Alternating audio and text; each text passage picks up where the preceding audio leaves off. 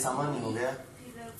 कि ई को क्या ख्याल होगा सामान्य तो हमें पता है कि ई को गुण होता है।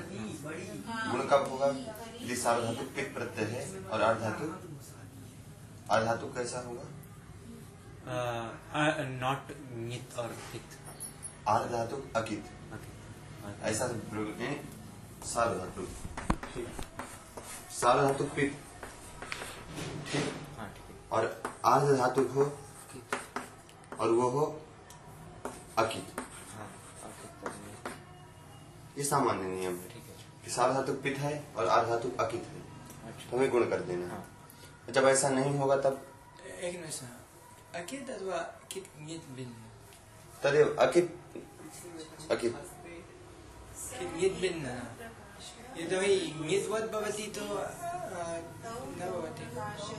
नियत नियत नियत अकित इत्युक्ते तदेव अस्ति महोदय। अकित तदेव नहीं अकित वैसा ही समझ लीजिए क्या होता है?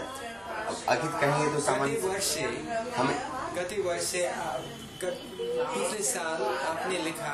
हाँ हाँ कित कित भिन्न है भिन्न हाँ। मेरी पुस्तक में लिखा है। ये भी वही बात वही है। अकित मतलब कित कित भिन्न अकित मतलब कित कित भिन्न तो क्यों क्यों नियत नहीं लिख रहे क्यों? अकित कह रहे हैं सामान्य।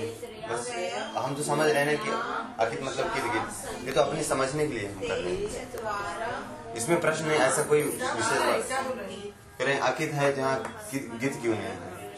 तो ये तो हम अपने समझने के लिए कर रहे हैं ना कि अकित आप वैसे अकित लिख लीजिए। अकित और अंगित ऐसा लिख सकते हैं। ये हमें हमें नॉलेज है हमें पता है कि मतलब अकित मतलब कित गित हम ले रहे हैं यहाँ पर। ये हमें पता है। और यहाँ कोई ऐसा विशेष बात नहीं है यहाँ पर। यहाँ ये सामान्य है कि अकित मतलब कित गित हम हम समझ रहे हैं। आप समझ में वो तो पर्याप्त नहीं है। नहीं तो सभी सब- लोगों का समझ बताया बताया भी तो पहले। पहले बता के तभी तो बोला ना। बता के तब बोला लिख दो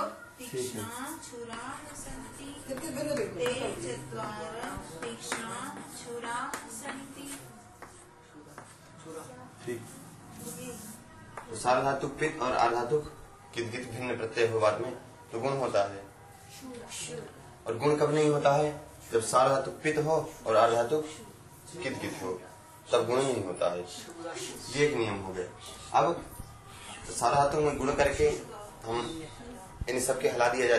प्रत्यय को हम कभी भी देखते हैं तो उसका आदि देखा जाता है। प्रत्येक आदि और जो अंग है उसका अंत देखा जाता है। तो प्रत्येक आदि देखेंगे, प्रत्येक आज़ादी है तो हला ठीक? तो सार्वधातुक पित होगा तो उसमें यानी सार्वधातुक पित में आज़ादी हलादी देख लेंगे। और अर्धातुक में भी आज़ादी हलादी देख लेंगे, कित कित में भी। तो पित में और अकित में गुण हो जाएगा। और जब आएगा, हम गुण करते हैं। ठीक, सूत्र हमारे पास एक है। सूत्र गुण करने के दो हैं। एक है सार्वधातु का अर्धातु का योग और एक है पुगंत लघु पदस्य से ठीक तो सभी सार्वधातुक और सभी अर्धातुक प्रत्यय पर कभी गुण होता नहीं है। तो गुण कब होता है? तो निष्कर्ष ये निकलता है कि सार्वधातुक पित और अर्धातुक कित अर्धातुक अकित परे होने पर, यानी अर्धातुक कित गित भिन्न प्रत्यय परे होने पर गुण होता है। ठीक? क्योंकि हम अपवाद को तो पहले अपवाद को हटा करके फिर विचार करना है कि आखिर अब क्या होगा। अपवाद का जितना हिस्सा है उसको आप अलग कर दीजिए। क्योंकि हमें क्या अगर अपवाद को नहीं हटाएँगे तो बाद में फिर दिक्कत जाएगी। तो इससे पहले कि पहले हम विभाग कर लें कि कहाँ क्या होना है और उस हिसाब से हमें हम कार्य करें। तो सार्वधातु पित प्रत्यय देखना है हमें। तो पित प्रत्यय केवल चौदह है, ठीक? तो सार्वधातु पित परे होने पर और अर्धातुक अकित परे होने पर हम गुण कर देंगे। गुण कब होगा? किसको? इगंत अंग को। और उपधा का जो लघु है। उपधा के लघु को ठीक। इगंत अंग और उपधा का लघु इत जो है। ठीक। लघु इत मतलब ह्रस्व ही चाहिए वहाँ पर। लघु मतलब ह्रस्व। जैसे लिख ये ह्रस्व है ये लघु है। पर मील ये वो नहीं है। जैसे लिख। अभी तो इनको खाली गंध का बताइए आप इगंत करिए अच्छा। उपदा अभी खाली की बात कीजिए। उपदा की बात मत कीजिए। की बिल्कुल बात गंध का इनको सारा विज्ञान बता जी। ताकि इनको कभी संदेह ना जी। ठीक को इगंत को गुण कब होगा? सार धातु पित परे होने पर और आर धातु अकित परे होने पर। अकित मतलब किरगित पर। किरगित भिन्न। ठीक? तो ये हुआ। अब जब हम आर्ध धातु यानी सार धातु अपित में आते हैं और आर्ध धातु कित कित में आते हैं। ठीक? तो सार धातु अपित और आर्ध धातु जी? जब यह स्थिति होती है तो हम विभिन्न प्रत्यय का विचार कर लेंगे कि आखिर प्रत्यय को हम कैसे देखना है? प्रत्यय का आदि देखना है। इत्युक्ते हलादी और आज़ादी। अपित हलादी अपित आज़ादी अपित। हलादी किदगित आज़ादी किदगित ऐसा विभाग हमें कर लेना है, ठीक? अब इसके बाद इसमें जो हलादी में तो इनको इगंत जो अंग है, जो अंग हमारा विचार किसको किया जा रहा है? इगंत अंग का। इकारांत, उकारांत और विकारांत का, ठीक? तो अब यानी इनमें क्या विभाग करना है? हलादी और आज़ादी का। तो हलादी में कुछ नहीं होगा, इकार उकार को कुछ भी नहीं होगा। हलादी में, रिकार को फिर बाद में करेंगे, अभी इकार उकार का, ठीक? तो हलादी अपित में और हलादी कित में। इकार उकार को कुछ नहीं होता, सीधा जोड़ दिया जाएगा। अब जब इनमें आज़ादी आएगा, आज़ादी। आज़ादी कितने आएगा कोई सा ठीक, तब क्या होगा? वो विचार अब हम करेंगे। ठीक तो तब ये हो गया सामान्य, यानी सारा तो अपित है तो कुछ नहीं होगा। जैसे जैसे देखिए चिन्ह और तस। ये तस कैसा हलादी अपित है और ये इगंत अंग है। कुछ नहीं होगा, सीधा जुड़ जाएगा चिंता ठीक? कित कित है जैसे? नी और पिता। पिता कित है? ये सार्धातुक अपित हुआ और ये अर्धातुक कित कित हुआ कित हुआ। ठीक? नी और पिता। पिता से ये क्या होगा नीता नी हलादी में कुछ भी नहीं करना हमें सीधा जोड़ देना है इकार उकार को। अब जब आज़ादी में आते हैं जब प्रत्यय आज़ादी कित हो आज़ादी ठीक है और इंगित को और अंग कैसा हो इगंत। इगंत अभी इकारांत को विचार प्रत्यय आज़ादी कित अथवा किन्गित बिन। आज़ादी कित गित को। किन्गित तो कित भिन्न में तो गुण हो जाएगा। हाँ तो गुण हो हाँ। जाए हाँ। यहाँ हलादी में हलादी में वो होता है नहीं। हलादी में कुछ नहीं होगा आज़ादी कित में होता है। तो गुण आपको पता है सादा तो आधा क्यों अचूल ये आपको पता है। अब ये कित के लिए सारी बात? आज़ादी यानी आज़ादी कित में क्या होगा वो हमें विचार करना है। क्योंकि हलादी में पता है कुछ भी नहीं होना है। ठीक? तो ई अब ई को क्या होगा यानी अंग हमारा इकारांत है और बाद में प्रत्यय क्या है? आज़ादी है। एक मिनट ये एक एक मिनट। आपका कहना है कि, कि निद जब जब निद वध होता है तो नितिचा अतिनेना किंगी तीचा से? स- त- पित- नाम गुण निषेध होता है। हाँ। कि जब नित है। हाँ। तो नित नित है तो गुण होगा ही नहीं। नहीं होगा। तो कि नित जब नहीं है तब विचार करना है। ये तो आपका कहना है कि जब। किद है जब नित है हाँ। नित नित है। देखिए जब कित कित नहीं अच्छा है नहीं नित वध नित है तो आ, हाँ निषेध है। अच्छा ठीक है ठीक है। जब कित कित नहीं है तो गुण हो जाएगा। हम्म, हम्म, हम्म। जब कित कित है तभी हमें विचार करना है। हाँ। कित कित है तो कैसा है? आज़ादी होना चाहिए। हलादी में कुछ नहीं करना सीधा जोड़ देना है। आज़ादी में है तब क्या होगा? आज़ादी है और गुण निषेध हो चुका है। नित है तो नित है हाँ। तो गुण निषेध। हाँ कित कित गुण निषेध हो गया है और पहले है। पहले तो सामान्य है कि कित गित कित गित में गुण निषेध हो जाएगा ठीक? अब वो जो प्रत्यय है कित गित प्रत्यय है वो कैसा है? हलादी है कि आज़ादी है? ये हमें देखना है ठीक? तो अगर आज़ादी हलादी है तो तो हमें जोड़ देना है। आज़ादी है तो क्या कार्य होगा? उसका विभाग करते हैं ई ह्रस्व ई और दीर्घ ई दोनों। ई को क्या क्या होता है?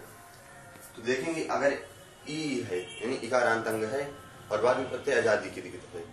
ठीक तो क्या, किस ई को क्या हो सकता है? कैसा ई है अंग और उस इकारांत अंग को क्या क्या हो सकता है? ठीक तो विवाह कर लेंगे। एकाज ठीक, और अनिकाज एकाच में क्या होगा? एकाच के भी विभाग करेंगे एक इंड धातु है ये तो बता दिया हमने। ये ये ये तो अभी हो ये गया। हो तो गया बता दिया ये तो तो बताया सर उसको उसकी फ़ोटो उतर गई उसको उसको बता रहे हो तो सब वो उसके आगे तुझे पूछा था मुझे बताने तो जो रहेगा वो ये तुम्हारे सामने हुआ तुमने खुद मिटाया है कर हाँ आगे बताओ और भाग बताए। एव धातु और अन्य एकाच संयोग पूर्व एकाच असंयोग पूर्व एकाच। हाँ, हाँ, चार पांचवा भाग लिखो पाँच फाइव लिखो पांचवा लिखो शिंग सार धातु के गुण। शीन धातु को शिंग सार धातु के गुण। शिंग सार धातु के गुण। एक बिंदु है शिंग धातु गुण होती सार धातु के।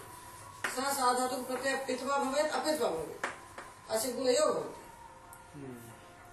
शेते शेतः। शेते शेते शयाते। शयाते। शेते अत्रापि गुण शयाते अत्रापि गुण इमे सर्व्यापिता सन्ति। शेते शयाते शेते शेषे शयाते शेत्रे शये शेवहे शे। सर्वेषु अपित्सु प्रत्ययेषु गुणः भवति सार धातु के में सार धातु का अपिति हाँ, हो इनको तुमने पहले क्यों नहीं भगा दिया जो बैठे थे? इनको पहले भगा देना। काम करे। शीन धातु को क्या होगा? गुण हो जाएगा। कैसा ही प्रत्यय है? तो आज़ादी? कुछ नहीं लिख रहा है चाहे हलादी हो चाहे आज़ादी हो अभी विचार कर रहे थे ऊपर कि आज़ादी परे होने पर क्या होता है कार उकार को ठीक यानी तो आज़ादी परे होने पर तो चार्ट बन गया वही है। अब ये जो है ये हलादी में भी होगा और आज़ादी में भी होगा अथवा केवल हलादी में होगा ऐसा है। ठीक तो शीन धातु को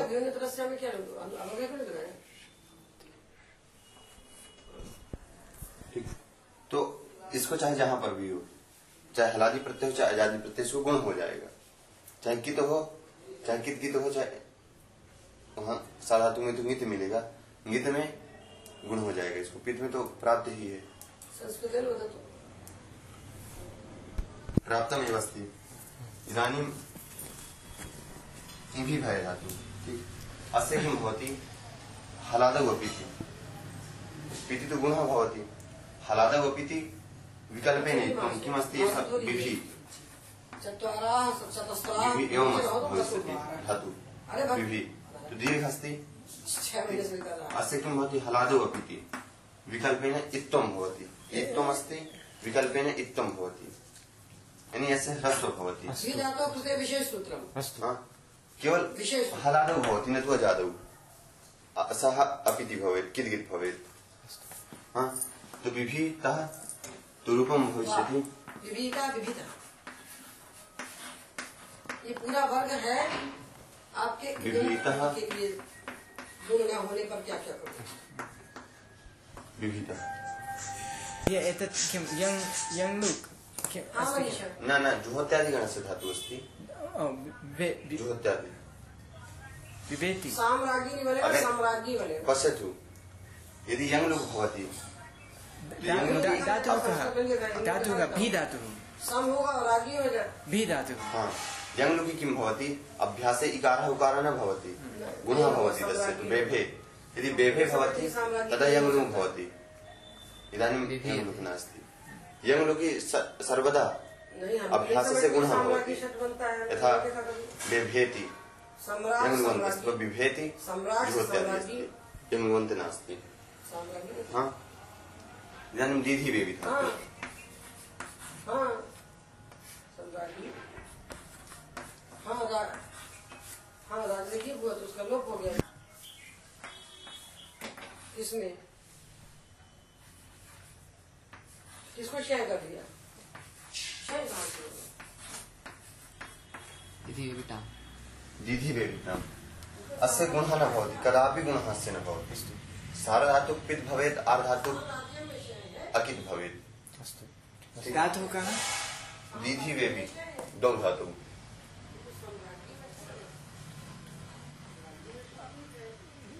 दीधि रूपं कीदृशमस्ति नाम वि- वि- एतत् एतत् इति नाम धातुपाठे अस्ति। ही वेबि ओ दीदी हाँ हाँ हाँ कुत्र कस्मिन् गणे? ये अदादिगणे अदादिगणे अस्ति। आम् अदादिगणे अदादिगणे अवगतम् अस्तु। अस्य कदापि गुणः न भवति। दीधि वेपिटाम् अनेन। कदापि गुणः भविष्यति एव न। एतानि सर्वाणि सूत्राणि एकत्र सन्ति अष्टाध्याय्यां। न सन्ति अस्तु। एकत्र न सन्ति। एषा अस्ति प्रथमाध्यायस्य। सप्तमाध्याये अपि एवं सन्ति